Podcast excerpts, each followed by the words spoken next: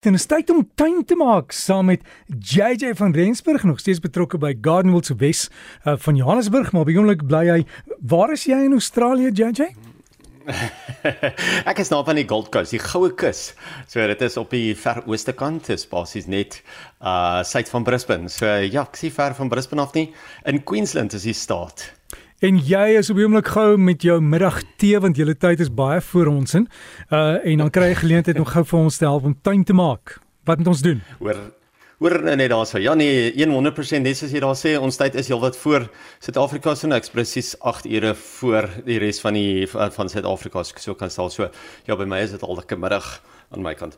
Ehm um, direk voordat ek by die um, program wil kom, wil ek net gaan noem uh, mense moet begin uitkyk vir die snoei demonstrasies by die verskillende kwekerye. Ek weet Gardenwell se snoei demonstrasie is baie vroeg in Julie.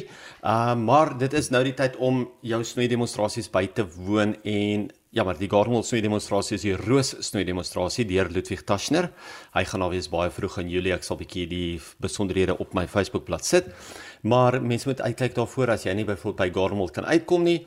Uh dit is nou 'n baie goeie tyd om daai snoei demonstrasies by te woon want mense wonder altyd doen mense dit reg? Wat moet mense doen? Hoe moet mense doen? En ja, hoe kan mense kry dat jy eintlik die beste uit jou plante uit kry, jy weet? So as jy self nie altyd jou eie plante ook snoei nie of jou eie rose snoei nie, vat gerus jou tuinier saam. Laat hy ook 'n bietjie leer hoe om dit reg te doen en dan kan hy verstaan wat doen hy verkeerd.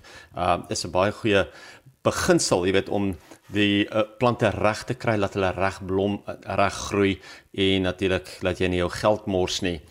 Maar Derek ons vergeet ook baie keer van ons binnesyse plante en hoe ons hulle in die winter moet hanteer en nou wanneer dit so lekker koud word oor meeste van die land, is dit eintlik 'n tyd wat 'n mens vinnig moet uh kyk na jou binnesyse plante. Nou almal weet die koue trek dwars deur die glas.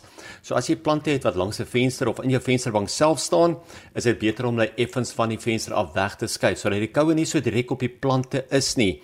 Probeer om ten minste so 'n halwe meter of so spasie te los tussen die venster en jou plante self, laat daai koue nie so on onblikklik of oombliklik op die plant self is nie op die blare self is en die blare self gaan seermaak nie. As jy jou huis ook warm maak en veral as daar so 'n verwarmer naby aan sekere van jou plante staan, dan moet jy onthou om meer gereeld as gewoonlik nat te maak. Mense dink altyd jy moet jou binnesyse plante minder water in die winter gee en dit is wel so, ja, maar as jy die kondisies verander, dan moet jy eenvoudig aanpas. So, hoe warmer jy jou huis binne maak of hoe nader jou plante aan daai ver, verhitter of daai verwarmer staan of daai kaggel staan, hoe meer gereeld moet 'n mens eintlik daai plante nat gooi. Onthou ook die kaggel en die verwarmers droog ook baie keer jou lugversorging droog baie keer ook die lug uit. So wat mense ook dan kan doen is 'n mens kan eenvoudige bak water net langs aan die plante of naby die plante of naby die verhitter self neersit sodat jy die vog kwaliteit of die voginhoud van die lug ook 'n bietjie hoër kan maak sodat jou plante nie so verskriklike droë dorre lug kry nie. Baie mense het al klaar hulle wintersaailinge geplant en nou moet jy 'n klein bietjie moeite doen om maksimum groei te kry en natuurlik ook maksimum blomvorming te kry. Begin deur sekere saailinge soos byvoorbeeld jou petunias uh weer kort af te sny om laer uit te groei en te bos. Nou baie mense het pronkertjies geplant En as jou pronkertjie nog nie regtig gebos het nie, is dit ook 'n goeie tyd om dit sommer nou te doen. Breek hy punte af en laat die plantjie self bos. As hy klaar begin blomme maak en hy het nog nie gebos nie of het nog nie mooi gegroei nie, breek hom af en voer hom eerder. Laat hy vinniger kan groei, meer groei kan uitstoot en natuurlik ook baie meer blomme vir jou kan gee. Papawers en gesiggies se blomme moet ook vir die eerste maand of so heeltemal uitgebreek word om baie meer blomknoppe te forceer. Onthou hoe meer gereelde mense dit uitbreek of uh hoe meer gereelde mense dit afsny, hoe harder probeer die plant self om te blom. Hoe sterker word die plant self en hoe meer blomme kan hy uitstoot. Maar belangrik om ook dan meer blomme aan te help deur dit ten minste een keer 'n week met oplosbare voeding hoog in kalium te voer. Nou ek weet meeste kwekerye verkoop sommer die oplosbare 316. Onthou die 6 aan die einde is die kalium en hy gaan lekker baie blomme veroorsaak of vorm so gaan kry jy van daai 316 daai oplosbare 316 en ehm um, goeie plante sommer daarmee nat. Voordat ek by, by by die plant van die week kom, wil ek vinnig net praat oor cyclamens. Nou ek weet elke um, na die winter dan sê ek mos altyd mense moet die cyclamen op sy kant neersit dat hy nie regtig water kry in die somermaande nie, maar jy moet hom by nou al klaar reg opgetel het As jy dit nog nie gedoen het, kan jy hom nou al optel en jy behoort al nuwe groei daar te sien. So as jy daar as jy enige siklamense oor het van laas winter, is die regte tyd om nou ekstra aandag aan hulle te gee. Skuif jou siklamense in meer lig in. Ja, hulle kan selfs 'n bietjie son kry en gooi ook meer gereeld nat. Uh maar onthou, omdat dit 'n bolplant is of omdat hy risoom het, wil hy nie konstant nat gehou word nie. Hy sal maklik wegvrot.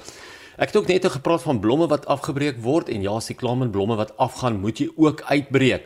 Anders gaan hulle op 'n blom en die, eh, hulle gaan ook eintlik uh saad vorm en dan gaan hulle op 'n blom. So dit wil mense eintlik hê nie. En die maklikste is om jou vingers in die geval lekker diep tussen die blare tot onder op die blomsteeltjie in te druk en die blomsteeltjie lekker laag heel onder afbreek. So hoe mense doen is jy vat hom letterlik onder met jou twee vingers en jy draai hom net so effens Hy kom baie maklik af en dan vorm hy lekker baie blomme vir jou. Onthou met se gunsteling toestande is baie lig, maar lekker koel. Cool. So jy wil hom nie ergens sit waar hy in die warm middagson staan nie. As hy vol son gaan kry, moet dit die oggendson wees, maar probeer ook om hom koel cool te hou met hom nie in daai warm warm vertrekke sit nie. Ons plant van die week vir hierdie week is 'n pragtige azalea. Nou die rhododendron ankor. Is die azalia wat so te sê dwars deur die jaar blom. Meeste azaleas blom net in die winter of net gedurende winter en net na die winter, maar die ankorreeks blom so te sê dwars deur die jaar. Hy hou van semi-skaduwee, hy hou ook van suurgrond en onthou voldoende water is baie belangrik. Net soos met ander azaleas moet hy maar gereeld nat gegooi word. Gelukkig is azaleas ook lekker gehard. So as jy in 'n koue plek bly en jy wil vir jou azaleas plant, dan kan jy dit ook doen groei so om en by 70 cm hoog, so hy so net onder 'n meter hoog en selfe wyte omtrent en dit is wat hulle nou noem 'n miniatuur azalea. So hy is nou nie een van daai grootes wat die 2 meter hoog word nie. Hy is 'n miniatuur wat net so onder 'n meter hoog word. Hy kom in verskeie kleure. Gewoonlik rooi, wit, pink en daar is nog 'n paar ander ook. So gaan kyk bietjie uit. Gaan vra by die kwekery of jy die Ankor azalea kan kry. En JJ, wanneer jy hom koop, moet jy ook 'n sak van die suurkompos koop, né? Nee?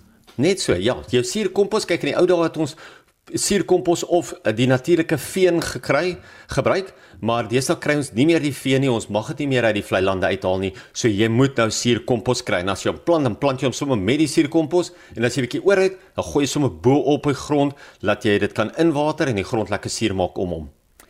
So gesels JJ van Rensburg. Lekker tuin maak. So onthou as jy die azalia gaan vra daar by die kwekery, daai suurgrond is regtig belangrik want baie mense spandeer R100 aan 'n plant en 20 sent aan die gat. Werk nie so nie.